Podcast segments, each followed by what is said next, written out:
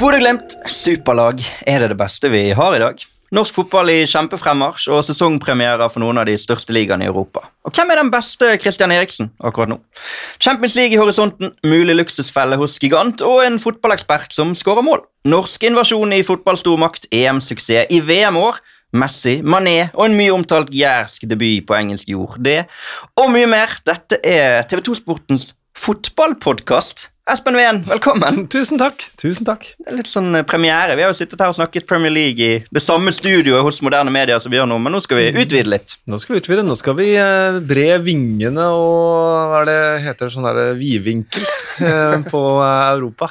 Og med kanskje med, med Norge som plattform. Absolutt. Vi må dyrke den plattformen vi har. Yo, Amankwa, fotballekspert, velkommen. Takk, takk, takk. Du har jo spilt i norsk toppfotball. eh, Vi må få momentumet litt tilbake der òg. Ja, ja, det er jo derfor jeg er hentet inn på TV 2 sitt lag. eh, For å ha fokus på norsk fotball, og det er jo det som eh, ligger mitt hjerte nærest. Sånn at jeg sitter nå hver søndag i lille bua vår og dekker runden og, og gleder oss selvfølgelig enormt til neste år, når vi har alle rettigheter, men gleder oss selvfølgelig òg enormt over de prestasjonene som er i norsk fotball om dagen. Absolutt. Og så er det en glede også å ønske velkommen til Mina Finstadberg med eh, den videste vinkel av alle. Du, du kan jo alt! Potet kalles det. Kan, kan litt om mange ting. Eh, Så ja, nei, det blir gøy det her, altså. Eh, Nå har vi kommet oss i gang i et par av de store ligaene. Norsk fotball ruller på som aldri før. Og så er det jo seriestart i både Spania og Italia til helga, og det gleder selvfølgelig jeg meg veldig til. Det gjør vi eh, alle. Eh, Vi la ut en tweet på vår Twitter-konto som nå heter To fotballpod, eh, omdøpt fra To PL-pod, og spurte folk om innspill, hva de vil at vi skal snakke om. Kan begynne med et spørsmål eller et innspill fra Ødemark junior. P. Ødemark. Hva er det dere gleder dere mest til som rettighetshaver på norsk fotball i 2023? Ja, og du var jo inne på det der.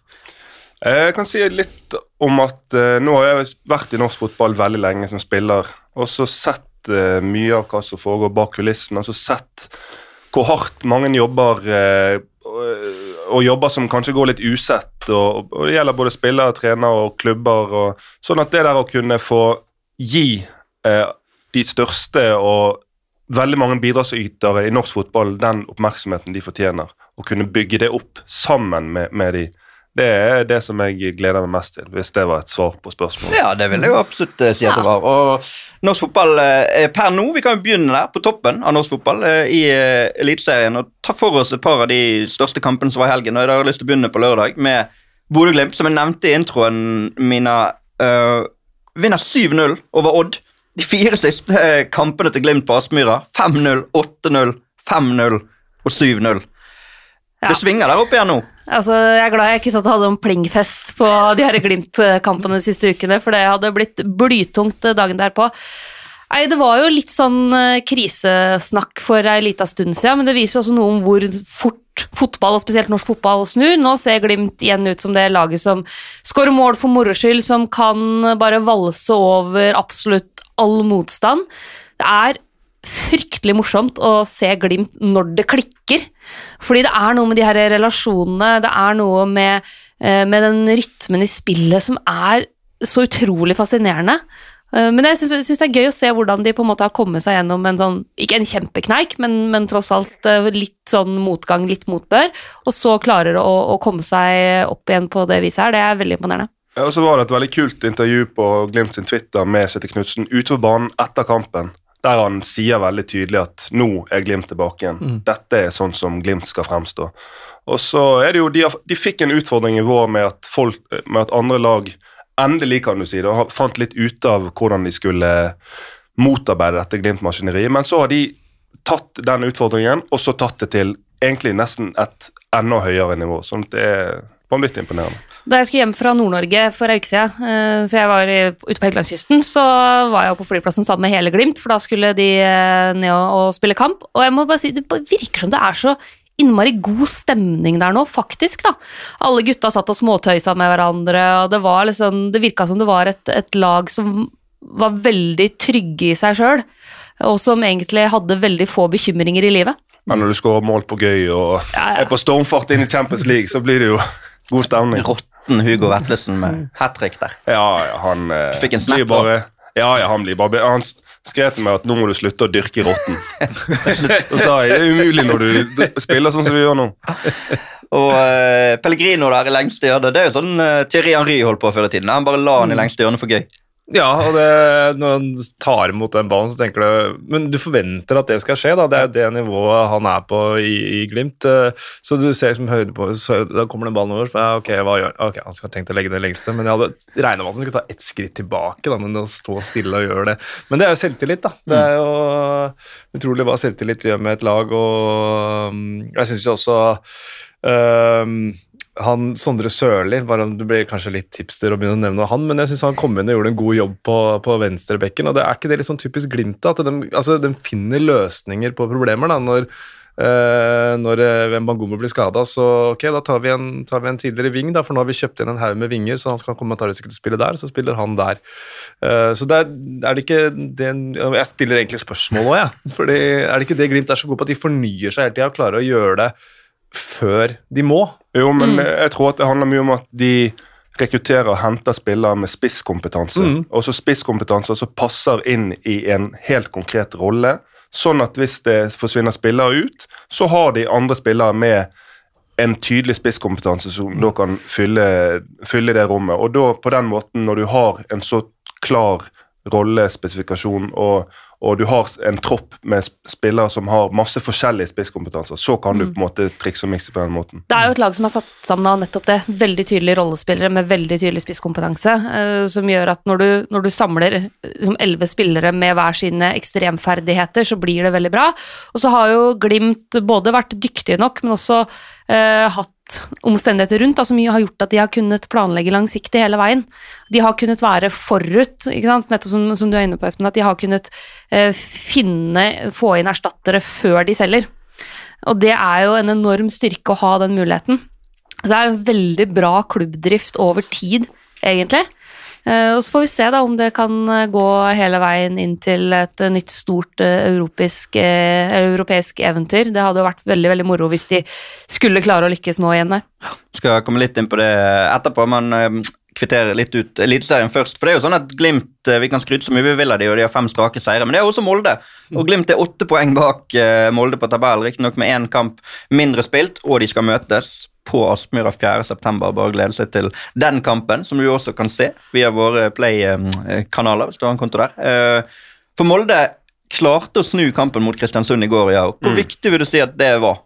Nei, det er jo Møre-derby der, og KBK eh, ledet jo 2-0. Molde så ikke ut og er jo har Etter et kvarter. Ja, og har vært ekstremt skadeplaget hele år. I går kom de med en vanvittig tynn benk, sånn det er ikke sånn de kan hive innpå kanoner for å snu det. Men så har de, de har så mye kvalitet at uh, over 90 minutter så blir det en superutfordring for egentlig de fleste motstandere i Eliteserien. og Det er det de, de, redder seg på i går. Og så um, får de i gang Eriksen, som blir matchvinner, og, og skårer et uh, veldig fint mål. Sånn at uh, de, de, Vi snakker om dette med å planlegge langsiktig. Det har Molde vært utrolig dyktig på og har en vanvittig bred tropp. for det at Med alle de skadene de har hatt i år, så, så kunne det raknet helt om de ikke hadde hatt denne bredden. Mm.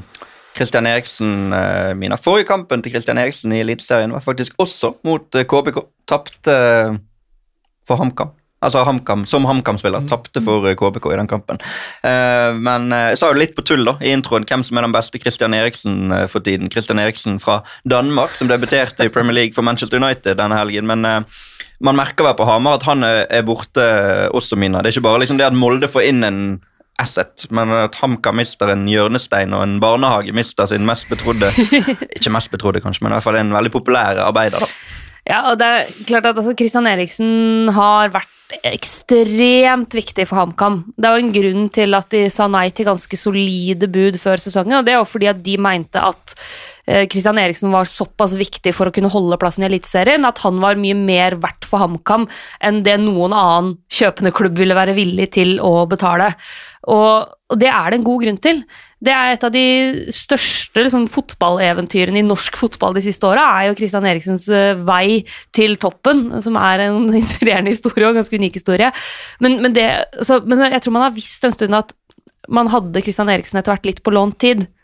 At det var vanskelig å sitte og fortsette å tviholde på han når han så tydelig ønska seg vekk. og man har jo på en måte sannsynligvis solgt på det tidspunktet hvor man kan få mest mulig penger inn også. Man solgte nå i sommer, rett før fristen for å registrere spillere for uh, spill ute i Europa. Det er ikke gitt at man ville fått de samme type summene hvis man hadde venta ut sesongen, f.eks. Altså for, for en klubb som HamKam så blir det etter hvert vanskelig å si nei til de penga. Men uh, at HamKam mister uh, Altså, de mister en, en spiller som altså En ting er det han bidrar med litt sånn uh, offensivt i form av målpoeng, men også hardtarbeidende. Han har vært veldig profesjonell etter at han ikke fikk lov til å gå før sesongen, og har jo virkelig gitt alt hele veien, sjøl om han tydelig egentlig ønska seg vekk. Ja, ja, altså Jeg synes syns Kristian Eriksen ser ut som en sånn spiller der som har hatt mafiaen på døren, og så har de sagt at vi dreper moren hvis du ikke jobber så hardt du kan i denne mm. kampen her. Det er helt Altså, han er det ser ut som livet står på spill mm. hver kamp. og det er, Jeg tror det er det òg som Molle tenker sammen med sine ferdighetsspillere få inn en Christian Eriksen som har den motoren, som har, har den driven. Så, men hvor stort savnet etter Christian Eriksen blir i HamKam De har jo fått 15 mil for han. Mm. Og de blir jo værende i norsk fotball. Ja, og overgangsvinduet er jo ikke stengt. sånn at hvor stort savnet blir, kommer jo veldig an på hvor godt Espen Olsen og, og resten på Hamar forvalter de 15 millionene. Mm. Eh, hvis man bare ser på tabellen nå, så ser det ut som Molde på en måte har et greit forsprang, men de andre lagene bak har litt hengekamper. Molde har også de tre siste bortekampene til Molde denne sesongen det er Lillestrøm, Viking og Vålerenga. Og så har de også en mm. Rosenborg hjemme igjen der. Så man på en måte kan ikke dele ut noen gullmedaljer eh, på langt nær foreløpig. Men de som er nærmest de på tabellen, akkurat nå i hvert fall, det er Lillestrøm. 37 poeng, 5 poeng bak, men da med én kamp mindre. Men de har rotet vekk poeng i helgen, eh, Øya. Og, og, og, selv om de, de, får et sånt enormt øyeblikk på overtid når keeper skårer, Mats Christensen kommer opp, og det er gøy i seg sjøl når keepere skårer, så hvis du skal ta gull, i hvert fall, mm. så kanskje man avgir poeng i en sånn kamp. Nei, altså det er jo mot et uh, Tromsø-lag som har tatt fem, uh, fem, poeng på åtte bortekamper. og et, egentlig virker som de tenker at uh, Tromsø skal ta alle sine poeng hjemme. sånn at Det var jo håpløst. De var elendige i første omgang. Og bedre i andre klarer å etablere momentum, men når du er avhengig av at keeperen skal komme opp og være helt Erik Antonar på overtid for at du skal få med deg poeng hjemme mot Tromsø, så er ikke det godt nok. Nei. Som kommentator, Espen, er det noe gøyere enn en keeper som skårer? Det er kanskje litt sånn vanskelig å sette deg fast på et sånt spørsmål ut av det blå. Men, eh. ja, ja, jeg tror det er det, men, eh, men, fordi jeg har ikke opplevd det ennå. Så jeg kan ikke, kan ikke, si det, men det kanskje ikke. Eh, men det er jo, men det jeg syns var interessant med den, med den skåringen, var jo at Og reaksjonene etterpå var at de var allikevel skuffa, og det syns jeg er noen altså, sunnhetstegn for Lillestrøm og ambisjonsnivå. Da, at mm. ikke de var helt i, i himmelen over å, å, ta det ene poenget på, på overtid. Men uh, men jeg, jeg, hørte jo intervjuene og litt sånn meninger i går, og jeg er jo enig i veldig mye at det er jo den roen han har, da, Mats Enstad Christiansen. Det er jo, det er jo ikke en keeper som gjør det der. Altså, det, det er, det, Notorisk målskårer. Et sjelden keepermål. Meget sjeldent keepermål. Altså For de som ikke har sett det, så er det jo at han på, på en uh, dødball posisjonerer seg for ned, nedfartsfrukten, og så tar det silkemykt ned. Nedtak med magen, tar seg god tid, og så blåser han i krysset. Mm. Helt iskald. Nei, Det er vanvittig teknikk som jeg har aldri sett han keeper. Ja, altså, hvis, hvis, det hadde vært uh, Adams, da, som riktignok er skada, men det hadde vært uh, fantastisk posisjonering og se så smart han er i ja, bevegelsen. Altså, men når det bare keeper skårer! Men det er jo en, en kanongoal! Ja. Husker Peter Schmeichel hadde en sånn mål for Aston Villa med beina i, mm. i Premier League eh, for ja, hvor lenge siden er det? Det må jo være over 20 år siden. Men uh, ja, uten at vi skal dra den uh, Hedenstad Christiansen-Schmeichel-sammenligningen for langt. Men uh, Fotballhipster har spurt oss på Twitter, det var innom hipster i stedet, men uh, er LSK sin største fordel inn mot en spennende seriehøst at hele tre konkurrenter skal spille gruppespill i Europa. Eh, da forskutterer han selvfølgelig at en del lag kvalifiserer seg, og, at, og, at, de ryker. og at de ryker. Og det er jo sannsynlig at de gjør. Kommer tilbake til det som vi nevnte. men Rosenborg jo også i denne miksen her. Eh, selv om det har vært mye kritikk mot Kjetil Rekdal gjennom sesongen, og egentlig før sesongen, allerede før han begynte på sitt Rosenborg-prosjekt, så er det jo sånn at Rosenborg nå kun er fremdeles tre poeng bak Bodø-Glimt. De er ferdig med syv av de åtte vanskeligste bortekampene sine, og de har Ole Sæter, som er blitt en kjempeprofil i Eliteserien, og vi må jo dyrke profilene.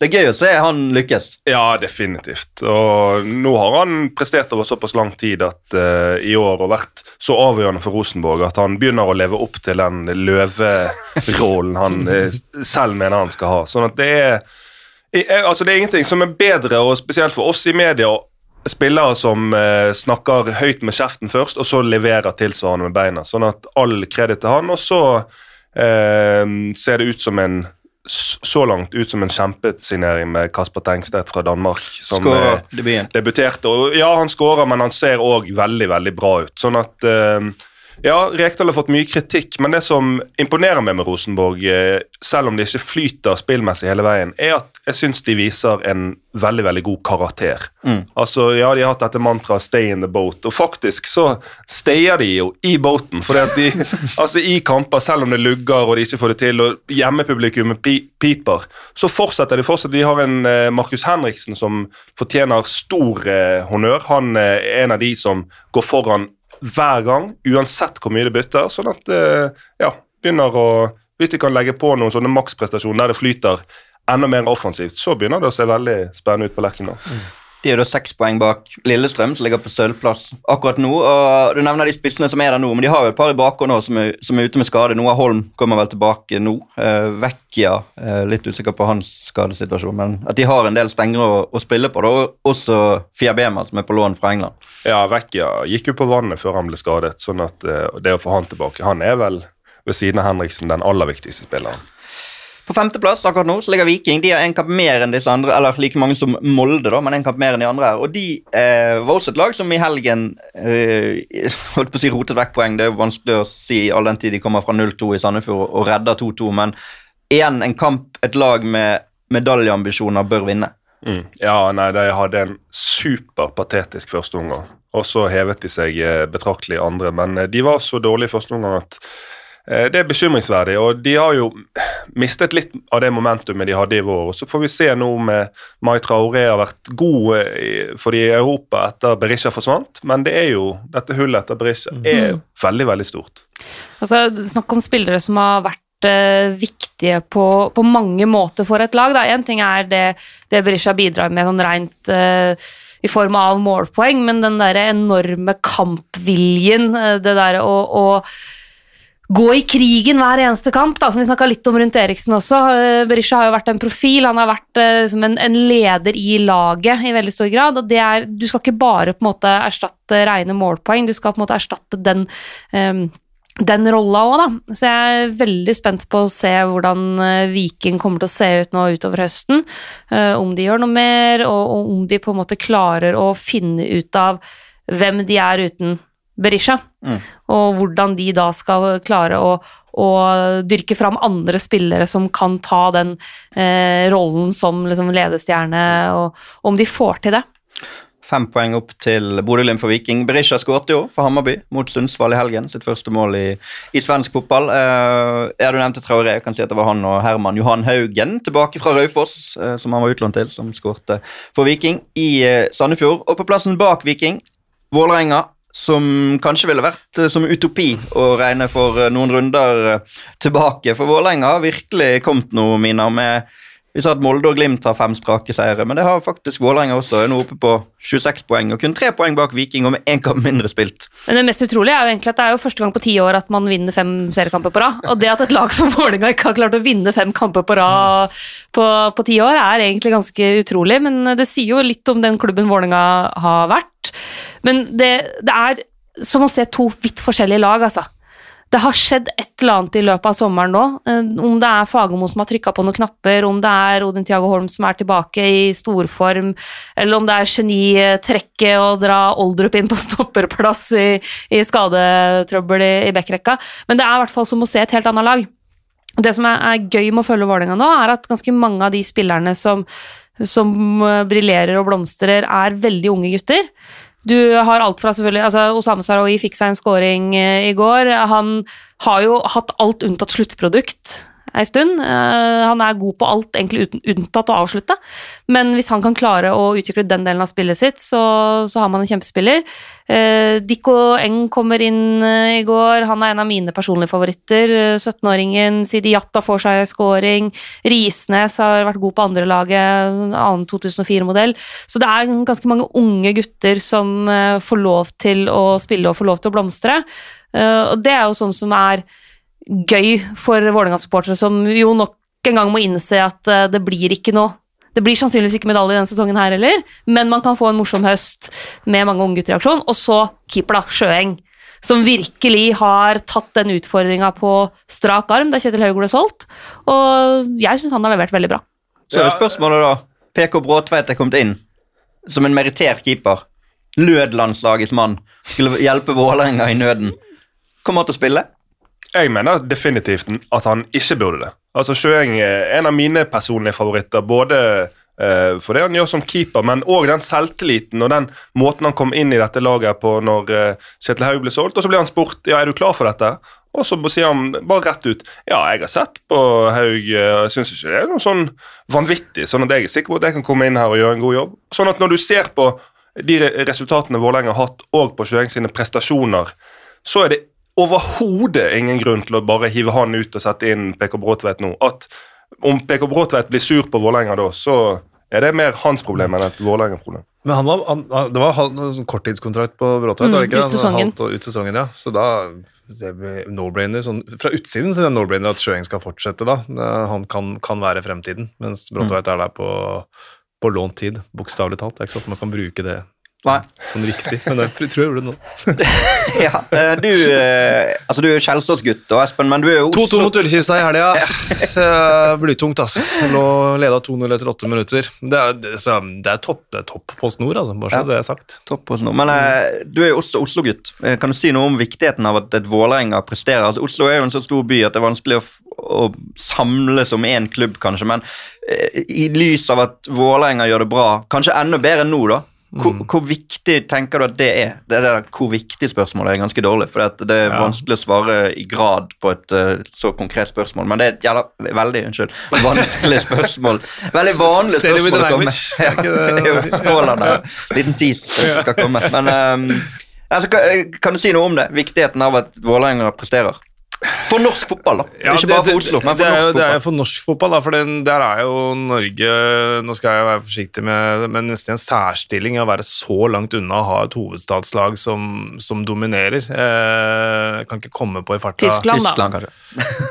Berg, Hertha og Union har kanskje ikke vært helt i toppen. Ja, men sånn. da er, det, er det ett land, da. Eh, Hvis vi ser på landa, eller laga, by, og landa vi rundt oss og sånt noe, så Men Tyskland, da, de har jo to, uh, i hvert fall, i, i toppen. Eh, men nei, det, viktigheten er, den er jo for norsk, for norsk Det snakkes jo om både, både fotball og ishockey, det at viktigheten av et sterkt Vålerenga er veldig viktig for, eh, for norsk fotball. Uh, så er sikkert mange uenig i det, men i hvert fall i, mer i andre strøk. Men, men jeg tenker jo det man så tilbake i 2003-2004, da når uh, Vålerenga fylte Ullevål og um, på de tre-fire-fem siste kampene når de kjempa om gullet der. Eh, og 2005 var det da de vant Mm. til, til, slutt, ja. ja var det, så, så ser man jo hva det engasjementet Men jeg er litt usikker på om vi klarer å komme tilbake dit, da. Uh, men uh, Men man så jo hva, ser jo hva som har skjedd i Stavanger. ja, Eh, det, det, men det er nettopp det. Også, men det,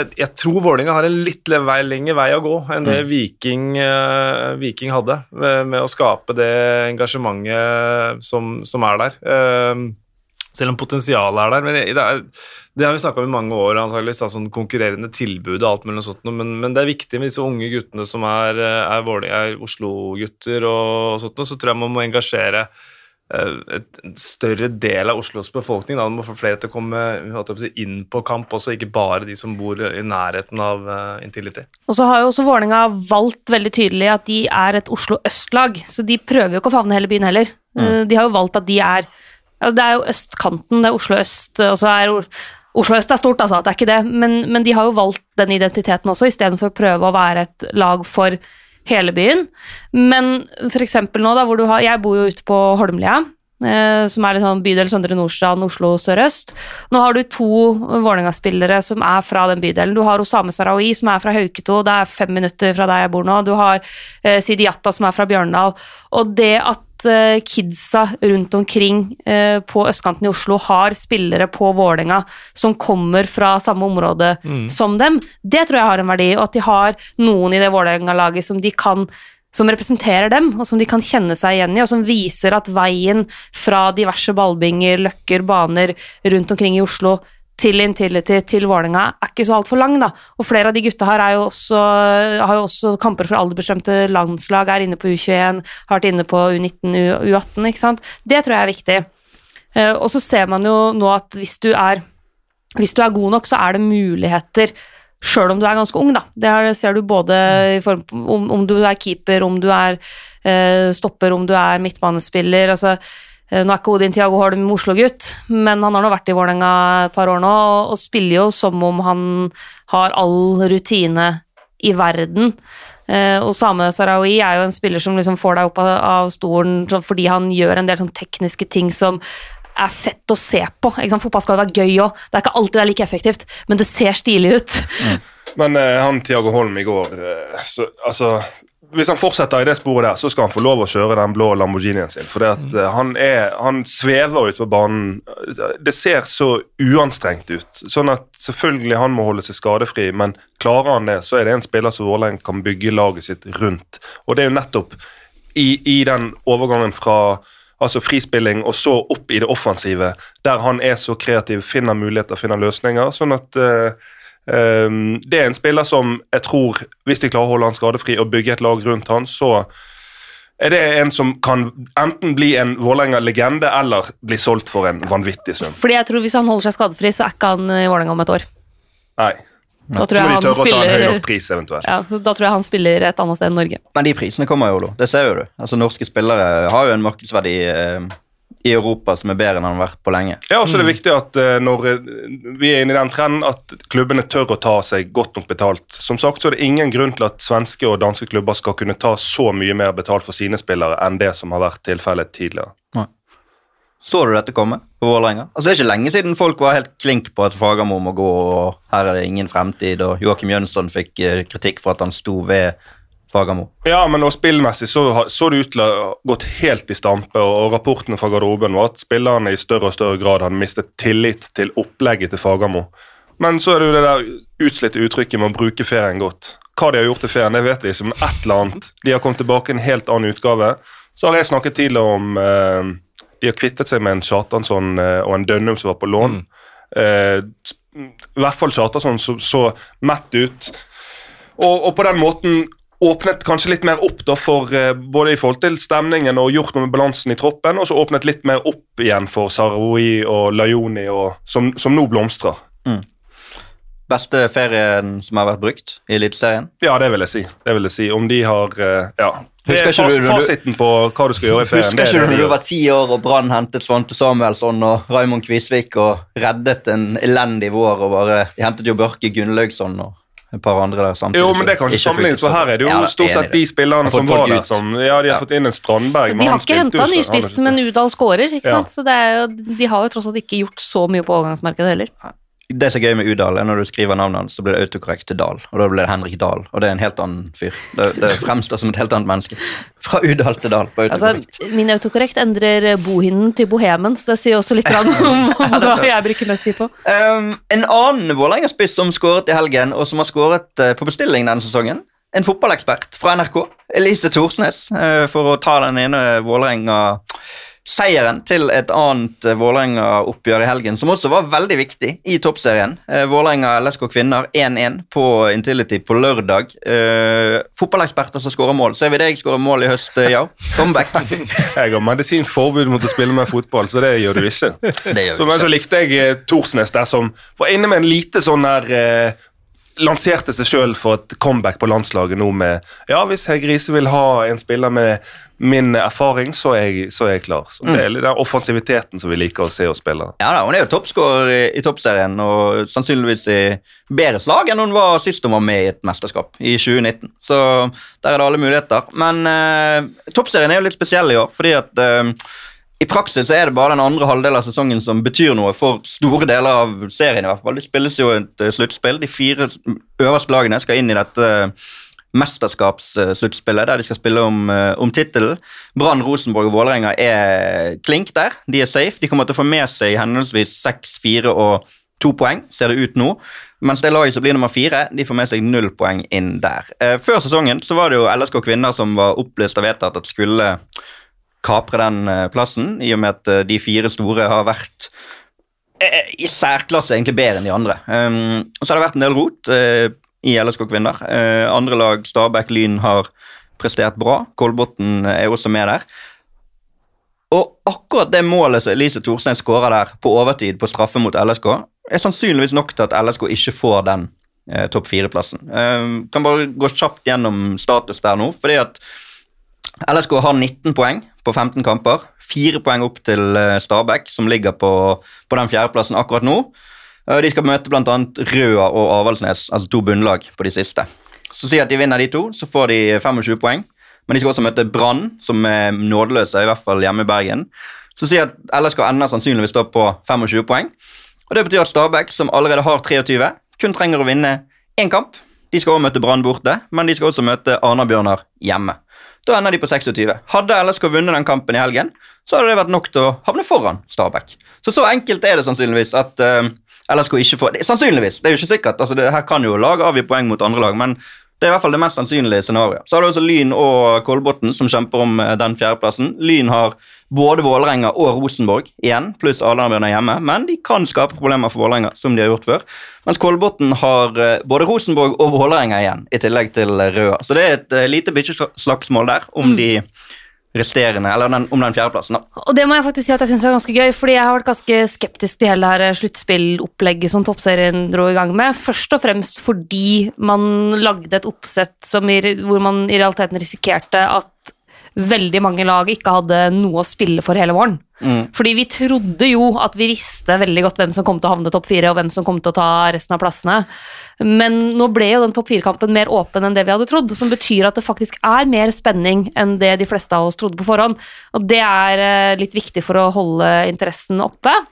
Så sånn sett så er det jo bra at det er eh, fortsatt tre lag som er eh, med i kampen om den fjerdeplassen. Og så er jeg fortsatt veldig, veldig spent på å se hvordan hele det der sluttspill opplegget kommer til å fungere? Kommer det til å være interesse rundt det? Eh, kommer det til å liksom ja, ja, Kommer det til å funke, rett og mm. slett? Det er jeg fortsatt veldig usikker på, men man skal jo ikke dømme før man har uh, fulgt det hele veien til mål. Nei, og så er det jo et momentum nå på kvinnesiden av fotballen. Uh, etter et EM så vi har vært involvert i, alle vi, uh, på våre forskjellige måter. Uh, ja, det var jo 90 000 på Wembley, eller Nesten, i hvert fall. Uh, og det, det, kommer vi aldri til å få i Norge, men noe mer tilskuere på kampene må jo være lov å håpe på fremover nå.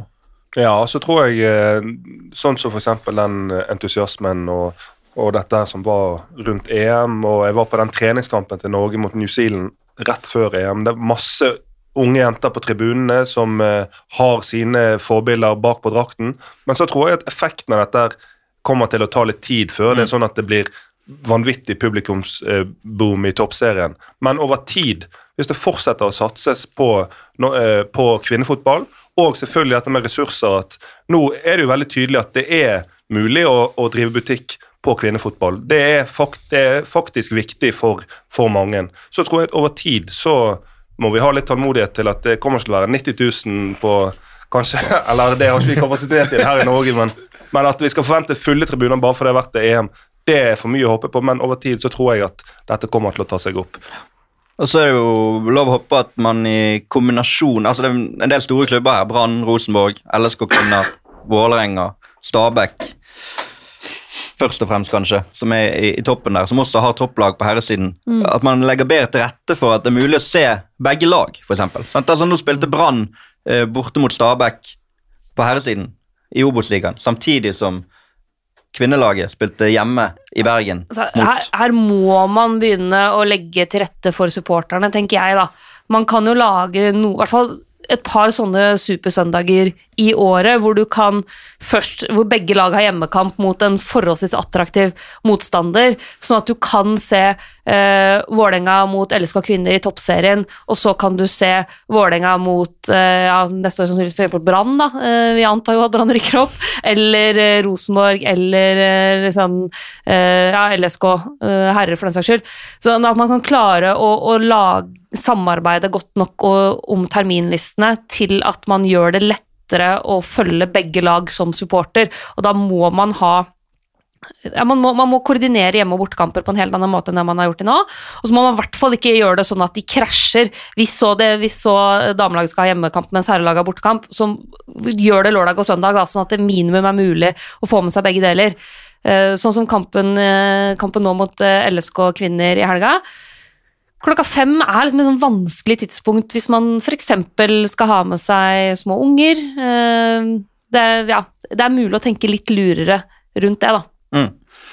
Det er det absolutt. eh, uten at eh, TV skal bestemme alt, så er det jo en del av pakken. Jo, men dette her er jo fasit. Altså Det å kunne lage sånn supersøndag-konsepter. Og så må du være kynisk. altså De største eh, klubbene på kvinnesiden, de med mest ressurser, må jo gå i front der. Være kynisk at det blir prioritert i kampoppsettet at de får de, altså de største kampene blir lagt på gunstige tidspunkter, både i forhold til toppserien, men òg i forhold til eh, eliteserien for herrer. Og så at du kan lage sånne supersøndag-konsepter der folk kan komme og ha, en hel dag på stadion og kose seg med god A-lagsfotball, både på kvinnesiden og på herresiden. Og i hvert fall klubbene som nå engang har dette kunstgresset sitt, da, som gjør at du faktisk kan spille liksom flere kamper tettere. Så på Intility for eksempel, så må du jo i hvert fall bruke, bruke de fordelene kunstgress gir. Vi kommer til å i denne podkasten være innom alt det dere vil at vi skal være innom, så det er bare å komme med innspill. Vi har jo um, eh, norske lag som skal ut i europacupaksjon også på kvinnesiden. Brann annet skal møte tyrkisk lag, ALG Spor, og møter deretter sannsynligvis et lag fra det vel å, nå er jeg litt på tynn is, men jeg tror det er Serbia eh, i neste runde. Så vi kan få Brann, og vi kan også få Rosenborg, som skal møte eh, Breidablikk i sin første kamp inn i Champions League på kvinnesiden. Så det er bare å glede seg til det som forhåpentligvis er i, i fortsettelsen også der. Eh, det tar oss over på eh, norske lag i Europa på herresiden. For der har jo det virkelig svingt i sommer, ja. Ja, det har det. det. Altså, det er mer enn sånn typisk Det har vært eh, Glimt eller, eller Molde som har vært i Europa flere ganger eh, i, i disse, på den tiden av sesongen, men nå er det Lillestrøm, Viking Altså, det er flere lag. Og det, det er gode prestasjoner. Det er ikke sånn at det bare handler om å møte opp og så, og så ta seg et hederlig tap. Men det er gode prestasjoner. Også, men det viktigste av alt der, eller det største av alt, er jo selvfølgelig denne mulige Champions League-deltakelsen til Glimt. Og så synes jeg når, når du sitter og ser på, på bilder fra SR Bank Arena, er det det den heter nå? Den pleier å bytte litt. Jeg er fortsatt på komplett i Sandefjord. Ja. Jeg klarer liksom ikke helt å slippe den. Du er i Stavanger. Ja, nå er Stavanger, ja, sorry. Det ble, nå ble det Ja, det DNB Arena. altså.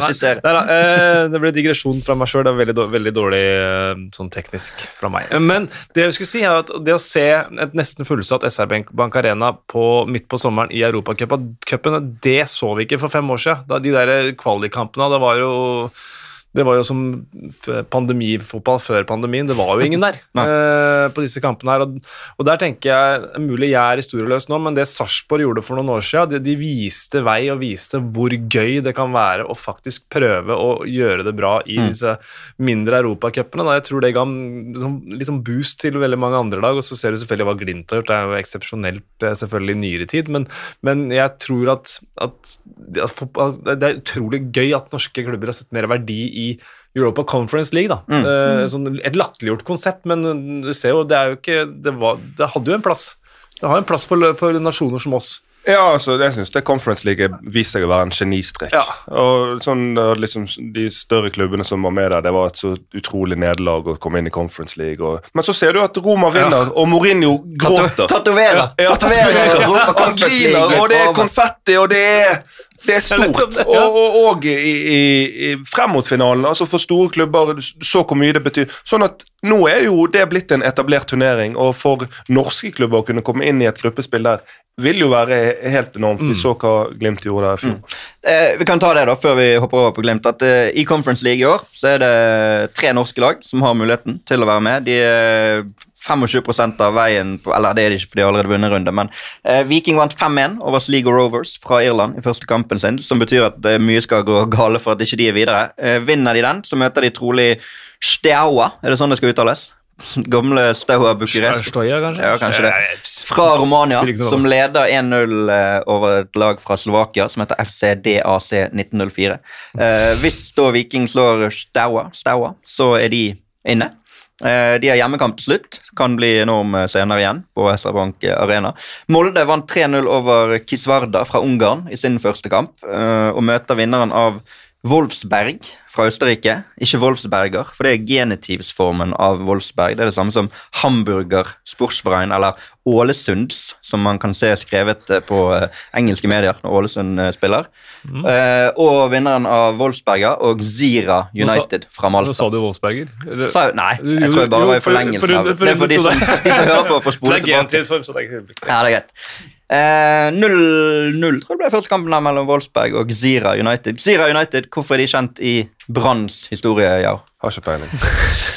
Første laget Brann møtte i Europacupen, 1973. Brann vant 9-0 over to oppgjør i cupen og cupen den gang, så vet du det.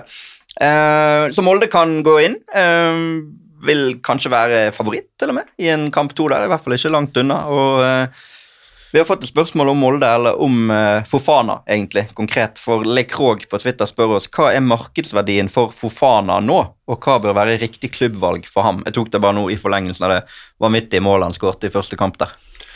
Nei, markedsverdien akkurat nå uh, jeg, Mine tanker er at Molde bør eh, dyrke han og utvikle han på en måte som gjør at de ikke selger for under 100 mil. Mm. Eh, det, og det mener jeg i fullt alvor. For det, at det er ikke hver dag det kommer sånne spillere og, og sånne muligheter. Og så er det sånn, ser jeg at det er en del som er frustrert over at med en gang det kommer gode spillere i Eliteserien, skal alt handle om salg, salg. Men sånn blir det bare. For nå har flere og flere europeiske klubber begynt å se til Norge. Og vi produserer nå etter hvert veldig mange gode fotballspillere. Og Fofana er jo en pakke som ja, nesten enhver klubb eh, vil være interessert i hvis han klarer å utvikle seg videre. Er Molde et godt sted å utvikle seg nå, og så får vi se hvor lenge eh, de klarer å holde på han, og hvor tøft de klarer å være når budene blir større og større og større, og hva sluttsummen på kassalappen eh, Mm. da blir. Men jeg syns det ville være på mange måter skuffende hvis han blir solgt for et stykke under 100 millioner. Mm. Får de den, det utstillingsvinduet som Europa Conference League er, så vil jo også prisen kunne Du ser jo hva. Conference League bidro med for uh, Bodø-Glimt, og for så vidt også Europa League-kvalik sesongen før. At det å, å få norske lag ut i europeiske turneringer har ganske mye å si, også med tanke på uh, hva du selger for, fordi det har noe å si om hvilke ligaer du selger til. ikke sant? Fordi nå har Norge faktisk, eller man har faktisk klart å selge et par spillere direkte fra Eliteserien til topp fem-ligaer, istedenfor å selge til de mellomligaene først, da, om det er Belgia eller Østerrike, eller for så vidt også Nederland, som fortsatt er et, et lite stykke bak de topp eh, fem-ligaene. Eller Danmark for Viking Eller. Danmark, ikke sant. Sånn at, sånn at det å Altså Verdien av å være med ute i Europa, eh, enten komme veldig langt i kvaliken til en av de største turneringene, eller være med i Conference League, eh, med tanke på hvilke salg man kan gjøre, er ganske stor, altså. Spennende å se om Molde klarer det. Det siste laget som er i Conference League, er jo Lillestrøm, som ligger under etter første kamp. Eh, fra Åråsen 1-3 mot Royal Antwerp, som Lillestrøm møtte jo et meget godt lag. Molde og Viking var jo favoritter i de kampene sine. Eh, Raja Nain Golan ble rett og slett for eh, stor for Åråsen. Det var stort Last from the past, ass. Ja.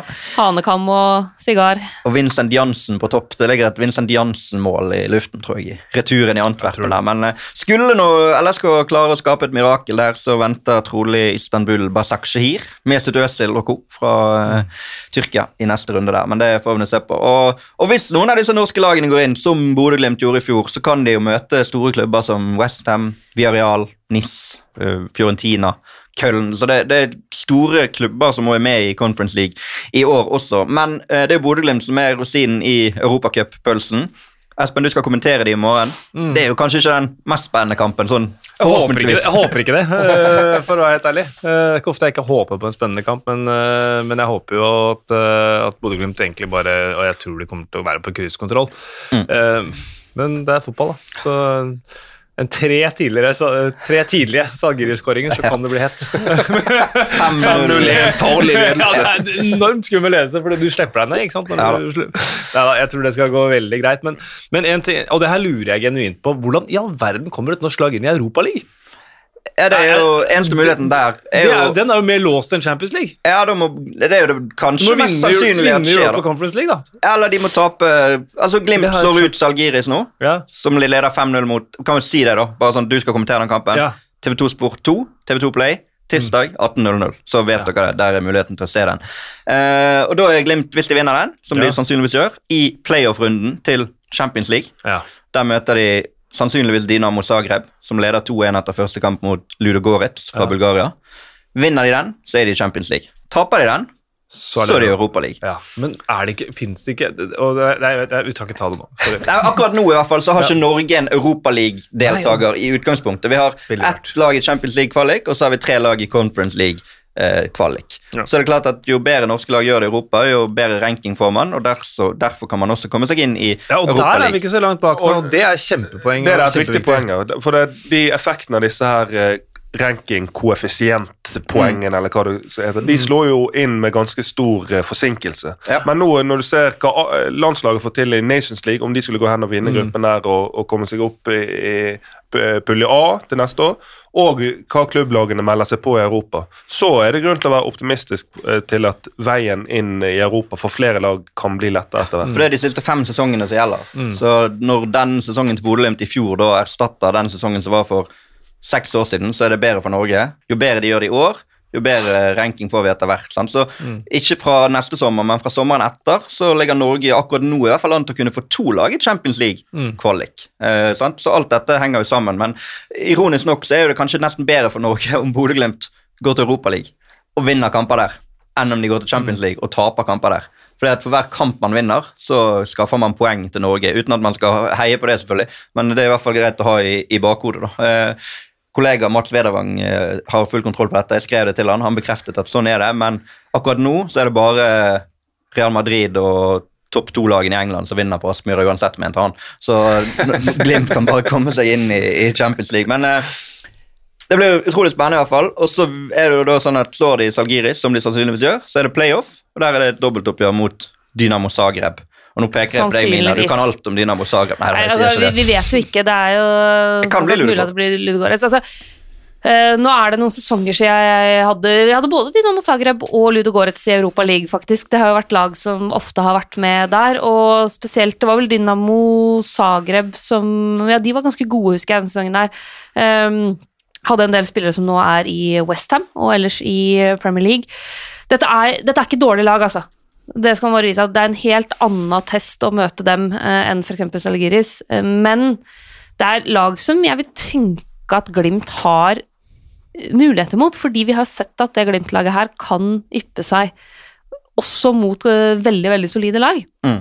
Over en sånn dobbeltoppgjør, så, så er det fullt mulig å gjøre det. det. Det litt kjipe med å møte sånne typer lag i en kvalik, er at det er eh, lag som er gode, som er vanskelig å slå, men det er ikke lag som gir sånn enorm boost med tanke på publikums interesse, og det er, liksom, det er ingen som tenker at det er et hederlig tap mot Ludogorets, selv om Ludogorets egentlig har et veldig godt lag. Ikke sant? Hvis du møter et av, de, et av lagene fra topp fem-ligaene, så vil eh, folk da vil du ha et mye tydeligere underdog-stempel, og vil, folk vil på en måte tilnærme seg oppgjøret på, hel, på et helt annet vis. da. Men bare så det er sagt, så blir jo de eh, playoff-kampene der som kommer, eh, Champions League playoff-kampen for Glimt For alle Glimt-spillerne og for alle som er i Glimt, blir det den, de to viktigste kampene i hele klubben sin historie. Ja, ja. Sånn at eh, egentlig litt uavhengig av motstander, så, og vi har rettighetene. Ja, vi skal vise alle. Så der er det jo bare å begynne å bygge seg opp og glede seg til, eh, til de kampene. Og så kan folk si ja, men jeg er ikke Glimt-supporter. Nei, det er nå ikke vi heller. Men det, det, det, blir spennende å se Hvis Glimt skulle kommet seg inn i Champions League Det er veldig lenge siden vi har hatt et norsk lag i CL, og se et norsk lag på den aller, aller største scenen. Rosenborg var jo det var ikke så langt unna at de klarte det for et par år siden, selv da Rosenborg ikke var så gode. Da var det jo nettopp Dynamo Zagreb som stoppet de på Lerkendal. Jeg husker jeg var på den kampen og fikk litt av den Champions League-følelsen igjen på norsk jord, som man ikke har forhatt hatt på Ja, altså hvor lenge er det siden? Det er jo i hvert fall drøyt ti år siden. Sant? 2008. Ja, sant? Så Mm. Dynamo Zagreb det er ikke mer enn halvannet år siden de mer eller mindre forseglet José Mourinho sin skjebne i Tottenham. Uh, snudde 0-2 til 3-2-seier etter ekstraomganger. Hat trick av Mislav Orsic den gangen. De har hatt uh, noen sånne ganske sterke resultater i Europa de siste sesongene, altså. Så det er ikke et uh, lag man skal ta lett på på noe som helst vis. Det er det ikke. Og Men så er tror jeg det ikke dem i Zagreb er så innmari hypp på å møte Glimt heller. Nei, på ingen måte. Når du Nei, ser hva altså- de gjorde. Så det er et styrkeforhold er ganske interessant. Altså, jeg tror det, det kan like godt være at Dinamo Zagreb frykter Glimt mer enn Glimt frykter Dinamo Og så Zagreb. nå har jo eh, Eh, Glimt har hjemmekamp i den første CL playoff-kampen. Mm. Sånn at, og jeg tror jo vanligvis vil du kanskje tenke at det er best å ha hjemmekamp i, i siste kampen, men jeg tror at det er en fordel. For det at, eh, ja, de, de eventuelle motstanderne kommer til å forberede seg og se videoer av Glimt og sånn, men likevel så tror jeg at eh, Glimt kan overraske motstandere på kunstgresset på Aspmyra, og så ta med seg et godt resultat til bortekampen og prøve å være mer kontringsorientert og kynisk der. Og så er det ikke, Vi skal ikke forskuttere at den kampen over Salgiris er vunnet, men, ja, men eh, sannsynligvis er han det. Og det, det går kjapt her, for disse to playoff-kampene er 16-17 august, 23-24 august, så det blir mer snakk om de i eh, fremtidige episoder av denne podkasten, får vi tro og håpe. Eh, da har vi vært innom eh, norske lag i Europa, vi har vært innom den hjemlige serien her. Og så er det noen nordmenn som presterer på andre arenaer også, og det må jo være den mest omtalte norske debuten i Premier League noensinne. Både i forkant, men kanskje også i etterkant, det Erling Braut Haaland eh, leverte i går i sin Manchester City-debut. Ja, og så er det jo den beste spilleren Norge har hatt noensinne. Sånn at, at det er stor oppmerksomhet rundt han, er jo Altså, han kommer inn i eh, sin Premier League-debut fra start. Ble litt sånn kritisert etter den Liverpool eh, Community Shield-kampen sist. At han eh, Ja, det var et nytt nivå og sånn. Kommer inn i går og ser ut sånn som han egentlig alltid har gjort. Kan finne så lenge det er en åpning på to meter, så, finner, så kan han gjøre det til et bakrom, sånn som han gjør når han skal få straffe der. Og så er det jo klassisk Braut i bakrom, eh, og linken med De Bruyne er allerede oppe og går. Sånn at det er Hvor er limiten for den fyren her? Det kan vi bare finne ut av etter hvert. Ja, altså det er jo altfor tidlig å, på en måte konkludere på uh, hvordan kommer Haaland til å prestere i, England basert på én kamp, men alle som var bekymra for at uh, nei, men han kommer aldri til å få det rommet i England som han fikk i Tyskland, og det er sånn han har skåra mye mål, så, og det rommet får han ikke for City. Det, jo, det kan han få. Det, det finnes rom også på, ute på engelske fotballbaner, og når du har en fyr som Kevin De Bruyne til å servere de pasningene, så vil Braut Haaland finne rom også i England. Og altså den, den andre skåringa er så klassisk eh, som du kan få den, men egentlig måten han vinner den straffa på, er også veldig typisk Haaland. Og så syns jo jeg at det er, det er noe med sjøltilliten til en fyr som i debuten sin i Premier League liksom bare tenker at ja, den straffa, den skal jeg ta. Ikke tenk på det, liksom. Regjerende seriemester og alt, og flere spillere her som eh, vil være høyt på type topp eh, 25-lister over verdens beste fotballspillere, men eh, jeg er fus, så den tar jeg men Ja, det skulle være mange. Ja, men også bommet måten, måten han tar straffen på, også Ja, selvfølgelig med lot Lotus-feiringen etterpå, Ja. så viser det bare en mann i sitt rette element som er klar til å dominere. ja, men De har bommet på så mye straffer. Hadde det vært sånn at Kevin De Bruyne hadde skåret på 10 av 10, Ja, ja. så hadde det vært noe annet. Det er helt naturlig at han får ta den, men jeg synes det, er, det er noe Det er ikke alle som ville gjort det heller, da. Neida, I debuten det, sin. Det er sant. Så um, han som kom i gang, City kom i gang, Liverpool kom ikke i gang på samme måten som Nei, eh, men spissen deres kom i gang. Da, så Ja, det ser ut som det er to uh, den, den duellen der kommer til å Darwin Nunes og Erling Braut Haaland kommer til å leve Og Aleksandr Mitrovic. Og Aleksandr Mitrovic. Det, Han ja, skåret to. han skårte to. Ja, ja det Men var imponert. ja. Men Liverpool de kan jo ikke tillate seg å avgi de poengene der, egentlig. Nei, det er blitt så trangt i toppen her at det er jo Ja, som du sier, at du blir stresset Må bli helt panikkstemning om, du, om spesielt City eller Liverpool skulle tape en kamp. For det at uh, når du ser siste sesongene hvor mange poeng de har hatt stått med etter sesongen, så er det jo De vinner stort sett alt. Mm. Så, men jeg syns det er litt kult nå med den direkte duellen mellom Nunes og Haaland, og at det er to klubber som har gått litt tilbake til en sånn klassisk nier. Det har vært Mm. mye snakk om falsk nier, bla, bla, bla.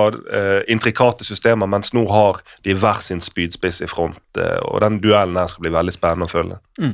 En annen eh, nordmann i England er jo Martin Ødegaard, som nå er kaptein. Ikke bare midlertidig, men faktisk kaptein for Arsenal. De kom også sterkt i gang, vant 2-0 borte mot eh, Crystal Palace. Da er de foran skjema til forrige sesong. Et lag det snakkes om eh, Champions League-plass for eh, igjen, som det skal gjøres rundt eh, Arsenal. og Han valgte å ikke skyte der da, den ene gangen Ødegaard. Jeg vet ikke om folk så denne kampen, men eh, kunne skåret, men prøvde å sentre.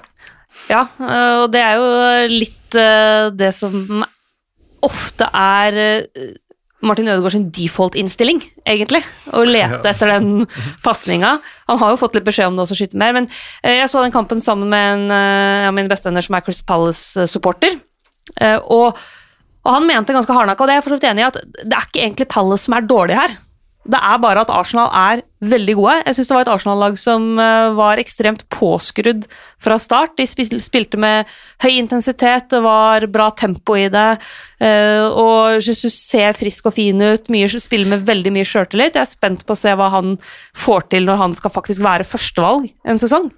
Og, og nå er han i en klubb hvor han veit at hvis han spiller et par kamper uten mål, så kommer han fortsatt til å være førstevalg på topp.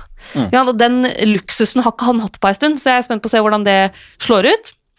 Og så er jeg jo ikke Altså, jeg er jo skrudd sammen på den måten at når, eh, når vi har Arsenal, da, som er eh, en av de klubbene i England med mest historie og tradisjon, og en veldig veldig stor klubb i internasjonal sammenheng, ledes ut av en norsk unggutt som kaptein, så, så tenker jeg at eh, norsk fotball har tatt noen steg de siste åra, altså. Som jeg ikke hadde sett for meg for ti år siden på noen som helst måte. Og så skal bare nevnes med Arsenal der eh, han eh, stopper han William Saliba, 21 år franskmann. Fran eh, Frans Frankrike som produserer verdensklassestopper på løpende bånd, han så jo helt enorm ut òg, så det Da svarte du på innspillet fra Sondre Netland, Netlando på Twitter. Saliba, the next big thing. Enorm ro, BB i første kamp. Ja. Det, det går knapt an å ha en bedre debut som stopper i, i Premier League, sånn at her har Edu og Arsenal truffet blink. Så får vi se, da. Det er jo andre lag der også som har lyst til å henge seg på i den eh, toppkampen. Chelsea vant 1-0 bort mot uh, Everton. Viktig seier. eh. Tror ikke det er de du først tenker på, Erge. Uh, nei, altså, jeg leder bare dette programmet, her, men Tottenham 4-1 mot Southampton. Antonio Conte, Du har sett mye Antonio Conte-lag Mm. opp gjennom sett Espen. Og, mye Tottenham under Conte, og de Ja. ser kjempebra ut. Vi hadde vel Simen, vår kjære kollega Simen Samson Møller, hadde jo tabelltips for Premier League. Hadde Tottenham på tredjeplass. Mm. kunne ikke vært mer enig. Uh, Syns de er et hestehode foran de andre eh, lagene. Et hestehode foran dem og et eh, ja, halvt, en halv mule, eller en halvannen mule bak, mule. eh, bak de to beste. Men, eh, men de fikk jo en eh, takknemlig start òg med et Southampton-lag som bare ser ut til å fortsette den degenereringen de har drevet med på en stu- en stund. det, det som var litt interessant å se, der var jo at Southampton hadde enorm oppmerksomhet rundt Harry Kane. Lå tett på han. Jung Min Son også markert ut. De skåret tross alt fire mål av Tottenham uten at verken Son eller Kane skårer. Kulisevskij var jo enorm, eksempel. Ja, Krusevski er en fet spiller, altså. Jeg synes det er veldig gøy at han får tillit og får lov til å liksom utvikle seg videre, fordi han stagnerte litt i Juventus. Det er ikke første unge talentet som har gjort det opp igjennom, men øh, er jo egentlig en spiller som jeg tenker passer Conte veldig godt. Er så fleksibel, jobber hardt, øh, bra fysikk, bra løpskapasitet, og, og mye altså, kraft i seg. Uh, så han tror jeg kan bli veldig, veldig bra, altså. Kraft er nok et nøkkelord når Antonio Conte skal sette opp sitt lag. Ja, Vi så jo fra treningsleiren når de lå og spydde etter disse løpsøktene til Conte, og Conte bare står og ler og smiler. Så um, det har jo bare gradvis blitt bedre og bedre og bedre, og bedre helt siden Conte kom inn. Og, og Conte er jo den typen som Han tenker bare å vinne Premier League. Og, og gjøre, gå veldig langt i Champions League. Det er der han legger listen. Og så er Tottenham og Daniel Levy og lommeboken til Tottenham nødt til å følge etter. Ellers så kommer han til å lage et håvete. Det blir spennende, spennende å se om det kommer enda mer inn der. Eh, Det siste, eller ikke det siste, men eh, det er i hvert fall topp eh, Det er seks lag som ofte snakkes om når det snakkes om de lagene i toppen her i England. Og Manchester United fikk jo ikke den starten de ønsket under Erik Den Haag. 1-2 for Brighton i premieren. Det var vel nesten det verste som kunne skje. Ja. For et Manchester United nytt prosjekt. er blitt en tragikomedie. Og nå har de et bud inne på Arnatovic som egentlig Det virker rett og slett som eh, Glazers og ledelsen i klubben egentlig bare troller supporterne. De gjør, de gjør alt for å provosere, og det virker som de, ja, det virker som de rett og slett troller. Og så er det sånn Ja, folk var i sjokk over at det var dårlig kamp i går, men det er jo stort sett det samme laget som var pill råttent i fjor. Jeg er ikke kjempeoverraska. Altså, Brighton er gode, de. Hvorfor skulle altså Ten Hag ja, han er sikkert en flink trener, men han, han er jo ikke Jesus reborn. Hvorfor skulle de plutselig være ekstremt mye bedre nå? Så er det jo en situasjon rundt Cristiano Ronaldo der som Altså, det, det kommer jo til å ligge der helt til han eh, lånes ut til Sporting på siste dag av overgangsvinduet. Ja, og det er jo på ingen måte ideelt å starte sesongen med en aldrende super, super, superstjerne som eh, vil vekk fra klubben, man vet ikke helt hva som skal skje. Cristiano Ronaldo vil spille Champions League, det får han ikke med Manchester United denne sesongen her. Det å ha den usikkerheten i troppen, og vi har jo hørt en del om, om hva som også skjer altså Cristiano Ronaldo tar jo så mye plass i ei garderobe òg, ikke sant. Så hans humør vil jo prege de rundt. Så det å, å, ha en så uavklart situasjon rundt en sånn type spiller, det er nødt til å tære på hele spillergruppa, og ikke minst på Ten Hag, som jo ikke helt veit hva han skal planlegge med den sesongen her. Og så får du plutselig Arnautovic-rykter inn, som er litt sånn Ok, uh, han, det er en aldrende spiss med litt sånn displ disiplinære problemer. Det var Balotelli i sin tid sa jo at sammenligna med Arnautovic var han en engel. I tillegg så har jo Arnautovic den der rasismesaken fra EM i fjor sommer som uh, gjør at veldig veldig mange med god grunn ikke ønsker han inn i klubben. Så det er litt sånn rød klut i trynet på supporterne også, at uh, han er det navnet som nå trekkes opp av hatten. Ja, ja. Det jeg så, så ikke den komme. Det er ikke så mye annet å si. Nei, altså det, men det er jo en klubb som engasjerer. Ja. altså det er mm. utrolig mange som bryr seg om Manchester United. Eh, både når man heier på dem, men også de som ikke heier på dem. Eh, ja, de koser seg nå.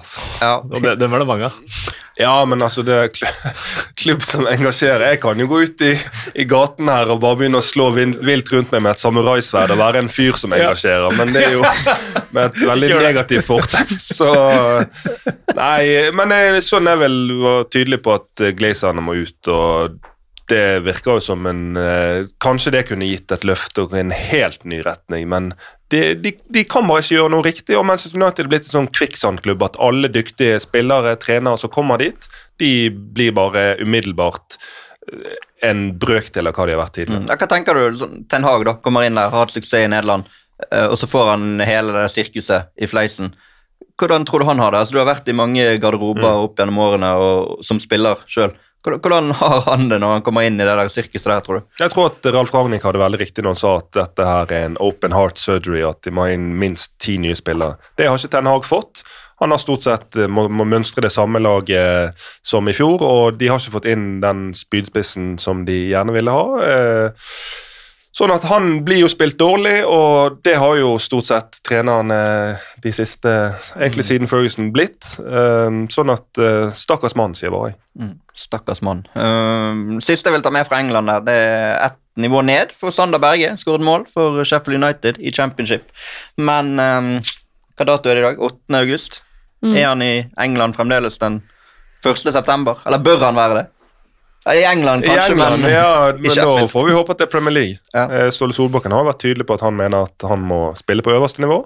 Og det For landslaget er det veldig viktig at han spiller på øverste nivå, at han skal kunne gjøre det bra i championship. Det, jo, det vet vi alle, men at han eh, er oppmerksom på at nå er han Han fyller vel 25 om det i år eller neste år, men han er ikke noen unggutt lenger. Sånn at han er nødt til å eh, kunne spille på høy, høyest nivå og gå umiddelbart inn og levere der. Mm. Og det tror vel vi at han kan også, Mina. Han, han har jo vært ryktet til både Serie A og La Liga tidligere, men også til store klubber i England, og det er jo en grunn til det.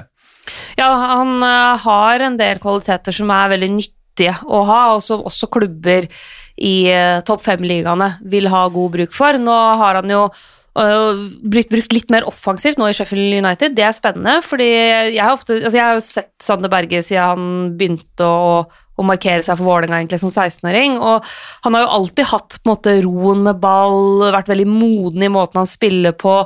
Er jo rask, sjøl om han ikke ser rask ut. Han har veldig sånne elgete steg som gjør at han ser mye treigere ut enn det han egentlig er. Men, men evne til å liksom drive forbi ledd, slå gode pasninger, de tinga der har jo alltid vært der. Hvis han klarer å, å, putte på litt mer målpoeng også og kunne prestere litt mer offensivt, så, så, bør han være en veldig attraktiv spiller for altså ikke toppklubbene, men for klubber som spiller i toppligaene. Men da er det jo viktig at han finner en klubb hvor han faktisk uh, går inn og spiller kamper. ikke sant? Fordi er, Jeg mener fortsatt at det er bedre å spille kamper i Championship enn å sitte på benken i Premier League, ja, også for det norske landslaget. Så, så, han må på en måte finne Men det er litt sånn avgjørende at han finner det riktige steget nå. Fordi da han gikk til Sheffield United, så var det, det var jo en gamble.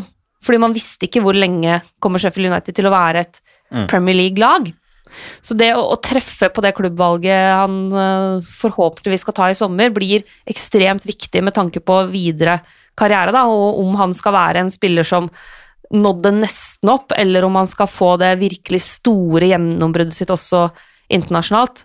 Men jeg tenker det er jo flere klubber både i, i Spania og også f.eks. i Italia, hvor jeg tror han kunne hatt mye å tilføre.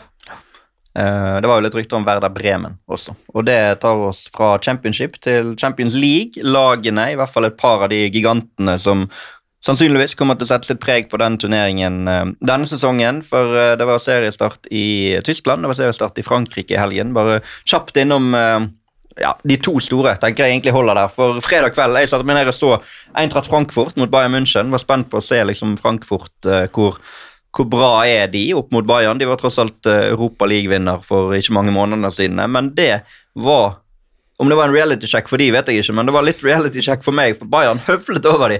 Og det var 5-0 til pause. Det var helt sykt. De var bare Altså, de, Frankfurt hadde en stor sjanse. da Dansken Lin, Jesper Lindstrøm dro seg gjennom ganske fint for seg, egentlig. Kunne redusert til 1-2. Gjorde han ikke det? Sadio Mané, drømmestart på motsatt side, 3-0 rett etterpå. Og det var bare Altså, Bayern er så gode i Tyskland at jeg, jeg, jeg skjønner ikke helt hvorfor de ikke har klart å gjøre det enda bedre i Champions League da, de siste årene. Det er ikke så mange år siden de vant, da. Nei, jo, men eh, allikevel. Altså, når de er så bra, da. Ja, Nei, altså jeg er enig, og øh, jeg tenker at de er jo en litt sånn øh, dark horse i Champions League denne sesongen her. Det har vært mye snakk om City og Liverpool når jeg sitter og leser om folk skal, som skal spå, øh, spå Champions League-vinner øh, i år. Og så lærte vi jo i fjor at man aldri skal undervurdere Real Madrid. Du kan avskrive dem så mange ganger du bare vil, men de finner en vei til å slå tilbake. Men Bayern øh, tenker jeg at med bitte litt flyt, og hvis de klarer å unngå skader, så kan de fort vekk være med helt, helt, helt eh, inn der, altså. For Eintracht Frankfurt altså det, er selvfølgelig en enkeltkamp, alt kan se, ses i en perspektiv, og at dette var en engangstilfelle. Men når du er så mye bedre enn et så bra lag, da Mané var bra, Musiala var helt fantastisk, synes jeg. Skåret også to mål. Gnabry er bra.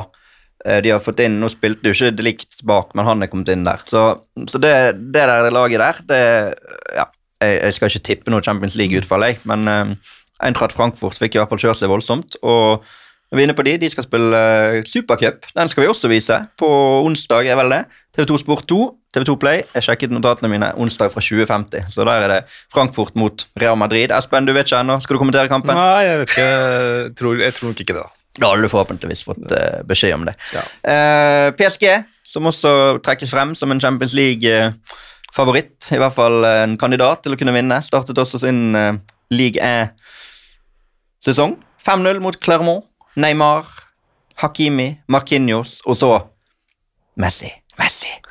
Ja, og det er jo en revansjesugen Messi.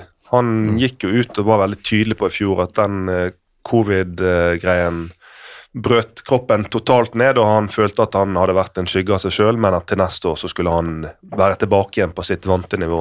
Og det er jo dårlig nytt, eh, nytt for alle andre, både i ligaen, men òg i Champions League, hvis han klarer det selv på sine eldre dager. Skåret seks ligamål forrige sesong. Nå har han to.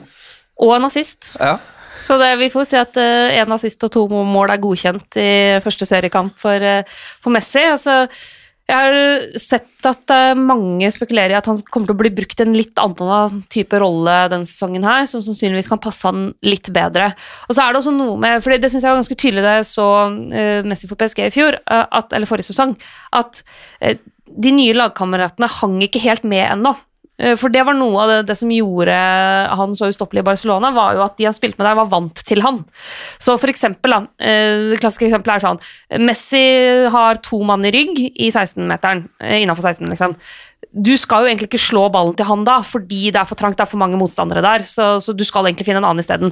Bortsett fra at det er Messi, så du skal slå den pasninga, fordi han er en av veldig veldig få som faktisk bør få ballen der, fordi han klarer da Da har han trukket på seg to spillere og en tredje på vei, og kan da klare å finne den stikkeren, finne en vei ut som gjør at det er enorme rom andre steder. Og det var jo noe av det som skjedde veldig ofte i Barcelona, og jeg så en del PSG-kamp på forrige sesong hvor det var veldig tydelig at Messi gjorde det han alltid har gjort, men nå fikk han ikke ballen i de situasjonene. Så når lagkameratene hans blir mer vant til han, og han blir mer vant til dem for så vidt òg, så tipper jeg at han kommer til å ha en solid sesong, ja. Og kommer til å være tilbake litt mer der sånn vi kjenner han. kommer til å skåre mer mål i august enn han gjorde hele forrige sesong det, i ligaen. Liga 1, det tipper jeg i hvert fall. Eh, La Liga begynner etter helgen. Johannes Røbakk Lund spør oss uh, Dere har vel rettigheten til spansk fotball? Har dere ikke? Det har vi. absolutt. Det har vi. En sesong eh, til, i hvert fall. Under ei uke til seriestart. Litt bilde på forhåndsstoff ville vært fryktelig etterlengtet. Det kommer et tabelltips i løpet av uken, Mina, men det er kanskje ikke så lett å sette opp. Nei, Det er jo klin umulig så lenge vi ikke veit om Barcelona får registrert de nye spillerne sine. Det er kjempevanskelig, fordi eh, Barcelona har jo hatt et helt enormt overgangsvindu. Et av de beste i hele Europa. ikke sant? Du har fått inn Lewandowski Hvis du kun ser det sportslige, nå skal økonomien til side. Eh, Lewandowski inn, eh, Jules Condé inn, Rafinha forlenga med Dembélé, du har Frenk Kessie som skal inn i miksen der, eh, Christensen Så eh, Christensen er, Jeg skjønner ikke helt den, men han er nå der, han òg. Så i utgangspunktet et kjempevindu, men vi veit jo fortsatt ikke om de får registrert disse spillerne. Og bare for å ta det, Vi har snakka mye om det på La Liga-sendingene, men for de som ikke har sett så mye La Liga, så er det jo eh, La Liga har jo sin egen, eget regelverk, som er en slags ekstra financial fair play. Eh, De har, eh, Der hvor ligaen setter et tak på hvor mye hver enkelt klubb kan bruke på spillertroppen sin, altså kjøp og lønninger eh, basert på, på inntektene deres. Ikke sant? Så det er ikke ett felles tak for alle, det er ett tak per klubb, og det regnes ut hver, før hver sesong. Sånn at det avhenger av eh, hvordan økonomien din har vært tidligere, og hva du har forventa å tjene og sånn. Så eh, hvis du eh, ikke er innafor det lønnstaket ditt, så får du ikke nødvendigvis lov til å registrere de nye spillerne dine for spill i La Liga. Så du kan kjøpe dem, men de får ikke lov til å spille i La Liga. Og det er jo et problem Barcelona står i nå. Eh, De han fikk nei for et par dager siden på å registrere disse nye spillerne sine fra La Liga. Eh, Så da må de gå noen nye runder. De har hele sommeren nå snakka om at de har ulike sånne levers, altså spaker, ulike økonomiske spaker som de på en måte drar i én etter én for å få ting til. Blant annet så har de jo solgt ut framtidige TV-rettigheter. De har solgt ut en prosentandel av TV-rettighetene sine i framtida. Eh, De selger deler av Barca Studios. Eh, De ligger nå også an til å selge deler av det der selskapet sitt som driver, driver licensing og marketing. Da. Så det de basically gjør, er at de eh, selger ut framtidige inntekter for å ha cash her og nå. Og det der er jo akkurat som også pisse for å holde varmen. Ja, ja, så det er jo Absolutt det. Du fucker jo de som kommer eh, for komiske Juan Laporte, Laporta, så de som kommer etter han i Mm. en eventuell presidentrolle, har jo elendige betingelser. For det at Med alt mindre av de treffer kjempegodt nå, fordi det er det Barcelona, Barcelona sin gamble er å selge ut en del framtidige inntekter for å få penger her og nå til å kunne forsterke laget betraktelig, og håpe at det skal gi sportslig suksess, skal gi kommersiell suksess, som gjør at de genererer mer inntekter. Og det er en kjempegamble, og jeg er ekstremt usikker på om det er lurt. Eh, Jeg tror at altså, hadde det vært snakk om å selge noen sånne type rettigheter til selskaper og sånn for å kunne for eksempel betale ned gjeld, så hadde det vært noe litt annet. Men når du da også går hen og bruker for eksempel ganske, altså Lewandowski, fantastisk fotballspiller, men du bruker ganske mye penger på en spiss som snart blir 34 år. Eh, Barcelona har gjort ganske mange dyre bomkjøp. Eh, de klarer jo foreløpig ikke å få solgt unna nok, ser det ut til, men de har solgt mye mange sånne spillere som eh, har vært eh, litt i fryseboksen, og som ikke har vært eh, en del av liksom, framtidsplanen til Xavi. Men problemet er at du får ikke så mye spiller, penger for den type spillere. Du får frigjort lønn, det gjør du. Men du får ikke så mye penger i kassa av det. Så hva som skjer med Frenkie de stort spørsmål. Eh, hva som skjer med registreringa av disse spillerne, stort spørsmål. Og derfor er det foreløpig dritvanskelig å lage et tabelltips for La Liga. Fordi altså, Laporta sier at han har en plan, og at det her, de skal få registrert disse nye spillerne, at alt kommer til å gå i orden. Men jo mer jeg leser om det, jo mer virker det som om de balanserer på så hårfine marginer her, at jeg Altså, jeg skal se at La Liga har godkjent de registreringene før jeg er 100% sikker på at det går i mål, altså. Du sammenlignet det på Twitter med husarrest. Hva skjedde det du gjorde? Jo, men eh, det er jo sånn som Mina påpeker, at det F- Financial Fair Play-systemet i Spania er jo et av få sånne systemer som faktisk håndheves. Sånn som hun da eh, viser til Messi-sagaen, der jeg da òg trodde nei, men dette kommer alle til å gå skeis. Ender det med at, de, at han faktisk forsvinner pga. De, disse reglene håndheves. Sånn at eh, det Barca og Laporta hadde trengt, var jo at vi sendte nedover Hallgeir Kvadsheim fra Luksusfellen. Så han kunne ta en gjennomgang på sunn økonomisk drift. For det, det de holder på med nå, er jo uten sidestykke nesten komisk. Og sånn som med Frenkie de Jong, da. eh, Det som sies fra ganske liksom, troverdige medier, er jo at en av de tingene som gjør at han fortsatt ikke har akseptert å bli solgt, er jo at Barcelona skylder han rundt 17 millioner euro i lønn. Eh, Fordi at det er jo mange av eh, Barca-spillerne som har akseptert å utsette lønnsutbetaling sånn gjennom pandemien eh, for å hjelpe til økonomisk. Og at Frenkie de Jong er litt sånn Ja, men jeg må i hvert fall få utbetalt den lønna dere skylder meg før dere selger meg. Og det tenker jeg er et 100 fair krav å stille. At liksom altså En ting er den lønna dere egentlig hadde lova meg i kommende sesonger, men den lønna jeg har utestående, den jeg har til gode hos dere, kan jeg please i hvert fall få den? Men det der var de Jong og så sitte i garderoben og se at ene, ene verdensklassestjernen etter den andre kommer inn i garderoben, og så vet du at de blir betalt med dine penger, på en måte. Må jo være helt merkelig. Men, men hva skjer med de altså hvis ikke dette Hva skjer med de spillerne? Kan de spille Champions League, eksempel? Vet vi det? Eller er det, det er kanskje frekt av meg å spørre om sånn for åpen mikrofon uten at man har gjort research på forhånd, men det er jo La Liga som nekter de registrering. Så da kan man vel kanskje det, eller jeg vet ikke. Eh, Det, det er et par sånne ting jeg bare kommer på når dere Altså Det, det ene er det med videresalg, eh, den type ting. Eh, si fra seg fremtidige penger for at nå må de få penger her og nå. Det minner meg om da når eh, Tottenham solgte Gareth Bale, husker du det? Eh, så 15 hadde egentlig en sånn eh, 25% videresalgsklausul da Tottenham hentet han, eh, men den eh, sa de fra seg fordi at de trengte penger der og da, eh, i sånn 2008 eller noe sånt. Fikk en sånn Tommy Forecast femtevalget til Tottenham på keeperplass pluss to millioner pund eller noe sånt, mot å ikke ha den 25% og så ble han solgt for 100 millioner pund noen år etter, så de gikk jo glipp av 25 millioner pund.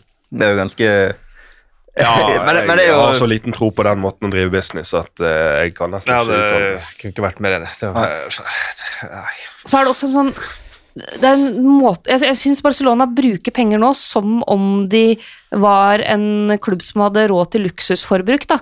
Fordi én ting er å hente Rafinha hvis du mister Dembélé, men det å forlenge med Dembélé og hente Rafinha Mm. Og så skal du i tillegg ha Ansu Fati inn i miksen. Du har fortsatt Memphis Depay inn i miksen. Du henter Lewandowski, og du har for så vidt fortsatt Aubameyang inn i miksen der. Ferran Torres spiller vel fotball. Ferran. Torres eh, skal jo også gjerne være med, han var jo storkjøp i vinter, liksom. Så det er noe med det, da, at du forster- Og så har du fortsatt egentlig et kjempeproblem på backplass. Så nei, det er fryktelig, fryktelig rar klubbdrift, men en del av de spillerne de har henta inn i sommer, er jo liksom Hvis de får registrert alle sammen, så gjør du fort vekk Barcelona til favoritter til å ta seriegull i Spania. Men det er jo, jeg så også en tweet her tidligere som at Bordeaux er jo flyttet ned eh, fra fransk eh, toppdivisjon. De rykket jo ned, men ble var snakk om én divisjon til pga. økonomiske problemer. Og de solgte jo Malcolm til Barcelona for noen år siden, og Barcelona skylder jo de fremdeles penger for den overgangen. Og det er jo penger som Bordeaux virkelig kunne trengt nå, men som de ikke har, fordi at Barcelona ligger etter med sine For de betalinger. har, det solgt, de har solgt fremtidige spillersalgspenger eh, til ja, altså Det er jo enorme konsekvenser for de som ble flyttet ned en divisjon. Nesten sånn i Nå det, forlengelsen nå er det ganske vanlig at man deler opp betalinga for spillere. Da. ja, Jo, jo, men altså Så det ofte så har man jo en deal på at man skal betale over Ja, ja. fem år, og så Ja, Jo, men det er jo samme. Altså, da skylder de sine egne spillere ubetalte lønninger, og så folder de på sånn som det er. Det er jo helt forkastelig, egentlig. Det er i hvert fall eh, en stor snakkis rundt eh, La Liga-starten. Eh, Olav skal vel nedover der til Barcelona kommentere Barcelona mot Rayo Vallecano på lørdag. Da er vel du med i eller uten Lewandowski, vi får se. Ja, med eller uten kan bli hvem som helst som spiller den eh, kampen. I studiosending der eh, fra klokken syv. Du skal kommentere på fredag, eller? La Liga-starten. Osasuna, ja, det Sevilla. Skal jeg, det skal jeg. Nå kaster jeg sånn her. Du tar den, du tar Ja, den. og, ja, det skal jeg. De som bemanner kommentator, de, de trenger ikke, de kan bare ta det her podkasten på mandag. Ja, men jeg tror kanskje jeg skal jobbe på lørdag. Så. Ja. Men, men Ja, det skal du helt sikkert. hva det blir, om det blir cliffdiving eller noe annet. Um, Sevilla signerte vel Isco i går. Ja, det er gøy! Så- Det er kjempegøy. Han blir kanskje ikke kastet rett inn på laget på fredag, men eh, det er i hvert fall en kamp som er mulig å få med seg fredag kveld klokken ni. Med Espen Ween bak uh, spakene. Eller- Ja, det håper jeg ikke. Mikrofonen bak spakene. Da kommer den aldri på lufta. Og så er det jo uh, Da ligger jeg på søndag også. Almeria, Real Madrid. Tittelforsvarer Real Madrid. Snakket egentlig ganske lite om Real Madrid uh, sånn i det store bildet. Det var snakk om mye før Mbappé bestemte seg for å bli i Paris, før Haaland bestemte seg for Manchester City. De hentet jo ingen av de. Eh, har hentet inn Rydiger i eh, forsvar og en milliardmann på midtbanen. Kanskje den minst omtalte milliardovergangen i moderne fotball, selv om han var enorm for Monaco. Så har ikke det vært snakket kjempemye om siden. Nei, altså Chomini eh, er jo regna som eh, et, eh, en spiller med enormt stort potensial. Og det som er litt gøy, da, er at du har jo nå en backup midtbanetrio av eh, relativt unge spillere i Real Madrid, som er veldig spennende. fordi du har jo fortsatt liksom Modric, Kroos og Casemiro som stort sett sånn, styrer skuta på midten. Men du kan, men du kan da fyre på med Valverde, Camavinga og Chomini som en midtbanetrio. Uh, Chomini er, er 22, Valverde er 24, Camavinga er 19. Den trioen der er enormt spennende, altså. Så, så Real Madrid ser fortsatt veldig sterke ut. Det store, store spørsmålet, eller to store spørsmål. Én, har Benzema en ny sånn sesong i seg? Eh, kommer han til å klare å holde seg sånn skadefri og i form en hel sesong til? I så fall så er det gull. Eh, og kommer Venitius Junior til å ta nye steg? Fordi det han gjorde forrige sesong, eh, det vitna om en kommende megastjerne. En spiller som kan liksom dominere internasjonal fotball i mange år framover. Hvis han kan klare, klarer han å, å holde seg på det nivået, og kan han faktisk også klare å utvikle seg enda noen hakk, i så fall så kan det bli kanon. Jeg har en teori på Real i CL i hvert fall, er at jeg tror Eller de må jo ha brukt opp denne voodoo-magien sin. Altså, De må jo ha brukt opp alt. Vi snakker om Barcelona som selger unna fremtidige inntekter, men Real må jo ha brukt opp fremtid, Jeg skal ikke kalle det flaks, men fremtidig flyt i CL for de neste ti årene. Så jeg tror eh, kanskje den regjerende CL-mesteren kommer til å Angelotti hever øyenbrynet der. Underpresterer underprestere litt i årets CL. Et Real Madrid uten Isco, som vi sa, uten Jovic, uten Bale. Som Ja. bare snakker spansk, visstnok, i LA, sier lagkameraten hans. Og det gjør han sikkert på pur ja, ja, insisterer på det, skal snakke spansk med alle. Og Marcelo også vekke, en uh, viktig mann i laget. Kanskje ikke sportslig det siste året, men du merker at han er vekke fra en garderobe, tror jeg. For en herlig fargeklatt av en fotballspiller Marcelo har vært for Real Madrid. Altså Én ting er de åra han eh, var en av verdens beste backer og var så fantastisk, spesielt i det offensive delen av spillet, men han er jo en av de han, han minner meg om det å spille på Løkka som barn.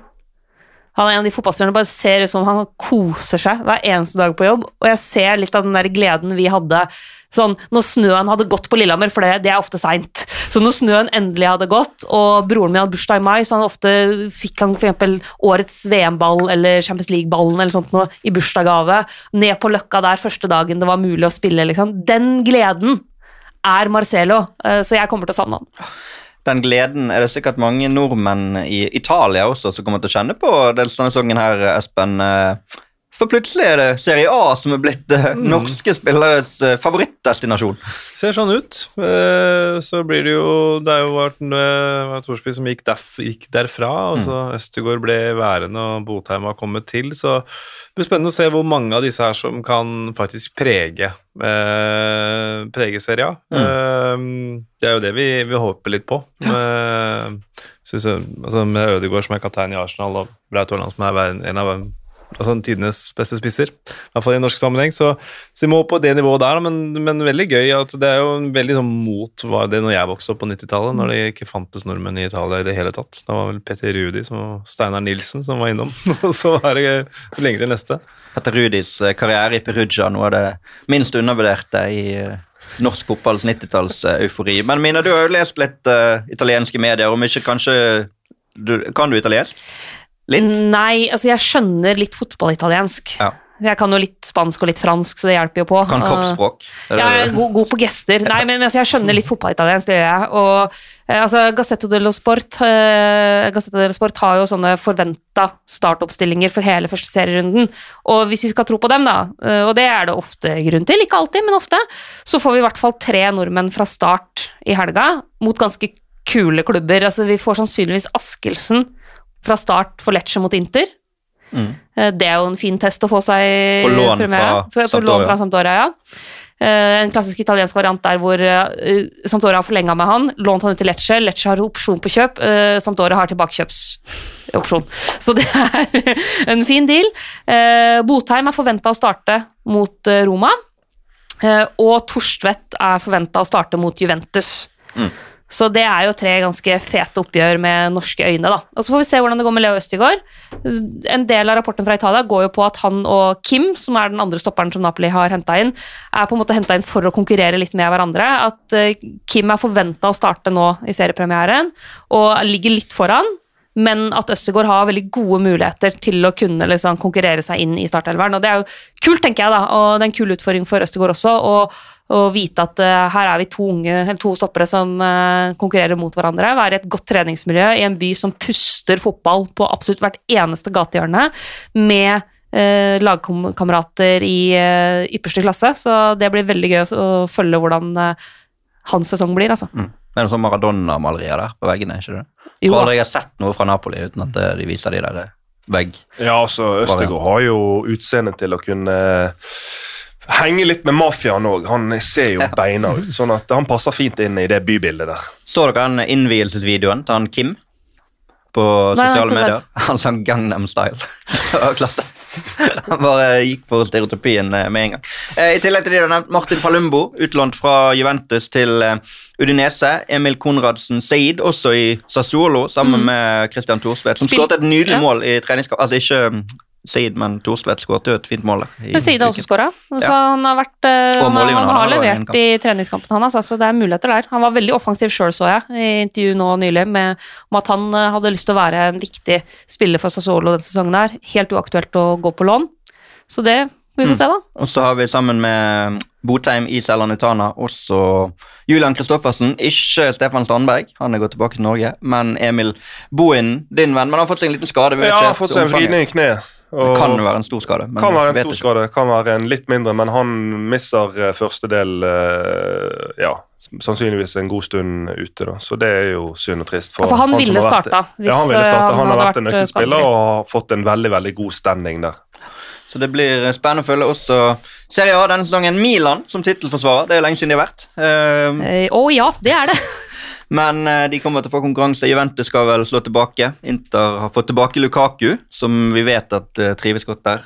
Mourinho har begynt å bygge litt i, i Roma. Nå fikk de også Veinaldum inn i en allerede sterk Det Roma-laget der ser så gøy ut, det. Så det er bare å følge med. Så uh, mye å glede seg til der. Uh, det siste jeg bare tenker vi skal innom før vi runder av, det er egentlig kalenderen som påvirker alle disse klubbene. Fordi at uh, det skal spilles vanvittig mye fotballkamper eh, fremover. Det er jo selvfølgelig kjekt for oss som skal vise mange av de. Eh, Champions League eh, begynner i begynnelsen av september. Skal denne gang være ferdig med gruppespill eh, i begynnelsen av november. De skal spille seks kamper på åtte uker. I tillegg skal det spilles litt cupkamper i diverse land. Um, jeg så på det Harry Kane, som stort sett spiller alt for Tottenham, skal sikkert spille 35 fotballkamper fra lørdag som var, til nyttår. Og det er ganske vanvittig hvis England gjør det bra i VM. For det er jo det som er greien her, at fotball-VM kommer, begynner i november, avsluttes i desember. Skal de selvfølgelig som engelskmenn sta som de er rett inn i juleprogrammet sitt igjen. Og Hvordan tror du det påvirker? Altså Det er mange måter et sånt mesterskap midt i sesong kan påvirke, men du som har vært der og kjent på det, det, det er jo litt mentale ting òg her. Det er ikke bare det fysiske. Ja, takk for det. Jeg har aldri vært oppe og kjent på det nivået. Mesterskap, VM-nivået. Men eh, det, altså Jeg vet ikke. For det at, det at de skal legge et VM på denne måten her, altså bare måten det påvirker seriesesongen, Champions League-sesongen, og når du ramser opp da hvor, man, hvor stor belastning det blir på disse spillerne, og så skal de ned til Qatar for å spille et VM der i x antall grader i i helt annet eh, klima. Nei, det er, det er Og så skal du samtidig nå angripe Tenk deg som spiller, da. Du skal angripe en høstsesong. La oss si du spiller Premier League. Angripe en høstsesong der det er ekstrem konkurranse og, og kamp om hvert eneste poeng. Og så skal du ha en forkortet Champions League i gruppespillsesong. Og så skal du da ha et mesterskap for landslag i bakhodet som kommer ganske fort. Det er en helt umenneskelig belastning på spillerne, og hva, hva kan komme ut av det? Sånn som jeg ser det, egentlig veldig lite godt. Vi hadde jo en kneskadepandemi eh, rundt EM for damene i sommer. Mange av de spillerne som eh, tok korsbånd og andre ting i knærne, var jo de spillerne som hadde spilt mest i løpet av det foregående året. Mm, Så ja, jeg er spent på å se hvor, eh, hvordan kroppene skal tåle den belastninga over tid, altså. Og så er det noe med det som ligger i hodet og Du, du ser jo til november allerede nå. Påvirker det måten du Ja, det er akkurat det. spiller på? Altså, du ligger i bakhodet, og så tenker du Ja, du vil selvfølgelig ikke pådra deg en skade, så du har det litt i bakhodet. Kanskje du gjør litt annerledes valg på banen, og kanskje i det, si du ligger under en kamp og det begynner å skride mot eh, 70 minutter, så tenker du at her er ikke det vits å bruke for mye krefter. Så det blir eh, det blir en veldig, veldig merkelig eh, høst, egentlig. Og så skal jo du ta med deg det som har skjedd i VM inntil resten av sesongen. Altså Vi så Mohammed Salah for Liverpool, det kan jo være tilfeldig, men han var ikke like god etter den VM-drømmen røk med Egypt etter Afrikamesterskapet mm. som han var før. Altså en, Det fysiske er jo én ting, men det, er jo, det skjer jo noe med deg der, da. Ja, ja. Det, det, det blir jo en sesong Man snakker alltid om det når sesongen begynner, og det her ble helt eksepsjonelt. Men dette her blir jo faktisk en eksepsjonell sesong med, med VM-et som kommer inn i midten der. Så veldig vanskelig å Det er veldig lite som vil være avgjort, i hvert fall. Før, eh, før VM, og i hvert fall med Premier League, som det er, de har åtte dager ja, fra VM-finalen. Nå er ikke gitt at det, men det er gitt Ikke gitt at England er der, men Nei, men at, at det er Premier Premier League-spill i League-spillere. VM-finalen, det tar jeg for gitt. Mm. Uh, og de har da åtte dager på å feire et VM-gull, og så skal de være klare igjen til uh, Boxing Day på Vitality Stadium. Det, Ja, for det er jo faktisk en enorm ulempe, sånn sportslig og kanskje òg mentalt, å gå langt og, og i hvert fall å vinne. For det, tenk den utladningen det er å vinne et VM, og så skal du omstille hodet og rett tilbake igjen. Vi har jo sett tidligere at eh, altså i normale tider, normale mesterskap på sommeren, selv de som vinner VM der, kan jo være utladet og være skygge av seg sjøl til langt utpå høsten før de begynner å komme i gang igjen. Det kommer jo ikke til å gjelde Salah, for Egypt er ikke med, men eh, ta England, da. Som Det snakkes om at nå skal de endelig gjøre det. Ser du for deg Jack Grealish spille kamp på Boxing Day hvis han har vunnet VM en uke før? Nei, altså, da ser jeg for meg Jack Grealish eh, under en eller annen parasoll et eller annet sted, sovende og liksom Ja, skal la, lade ut. Det kommer til å bli eh, veldig spesielt. Rett og slett En delt sesong på alle måter. Eh, en ny sesong med podkast, Espen. Eh, gøy å være i gang igjen. ja, absolutt. Så får vi eh, se hvordan det, det går fremover. Jeg kommer ikke til å være her på mandag. Da er det planleggingsdag både i barnehagen og på skolen. Så da eh, må noen andre lede dette, men det kommer til å gå veldig bra, det også. Det har i hvert fall vært eh, kjekt å komme i gang. Eh, dere som hører på, kom med innspill på våre sosiale plattformer. Bruk eh, hash 2 eh, fotballpod, heter det nå, på Twitter. Takk til Moderne Media, som har eh, nok en gang fasilitert for oss. Takk til deg, Yao. Deilig. Yes, Veldig godt å være i gang på podkastfronten òg. Og takk til deg, Espen, igjen. Tusen takk. Og takk til deg, Mina. Veldig moro å komme i gang. Veldig kjekt å være klar. Og takk til dere som har hørt på. Fortsett å komme med innspill. Og gi oss gjerne sånne ratings. Det hører jeg folk på podkaster sier. Du må inn og rate. Gi oss positive ratings på, på der dere hører på podkast, sånn at vi kommer frem og blir synlige for eh, alle andre. Takk for at dere hørte på. Ha det bra!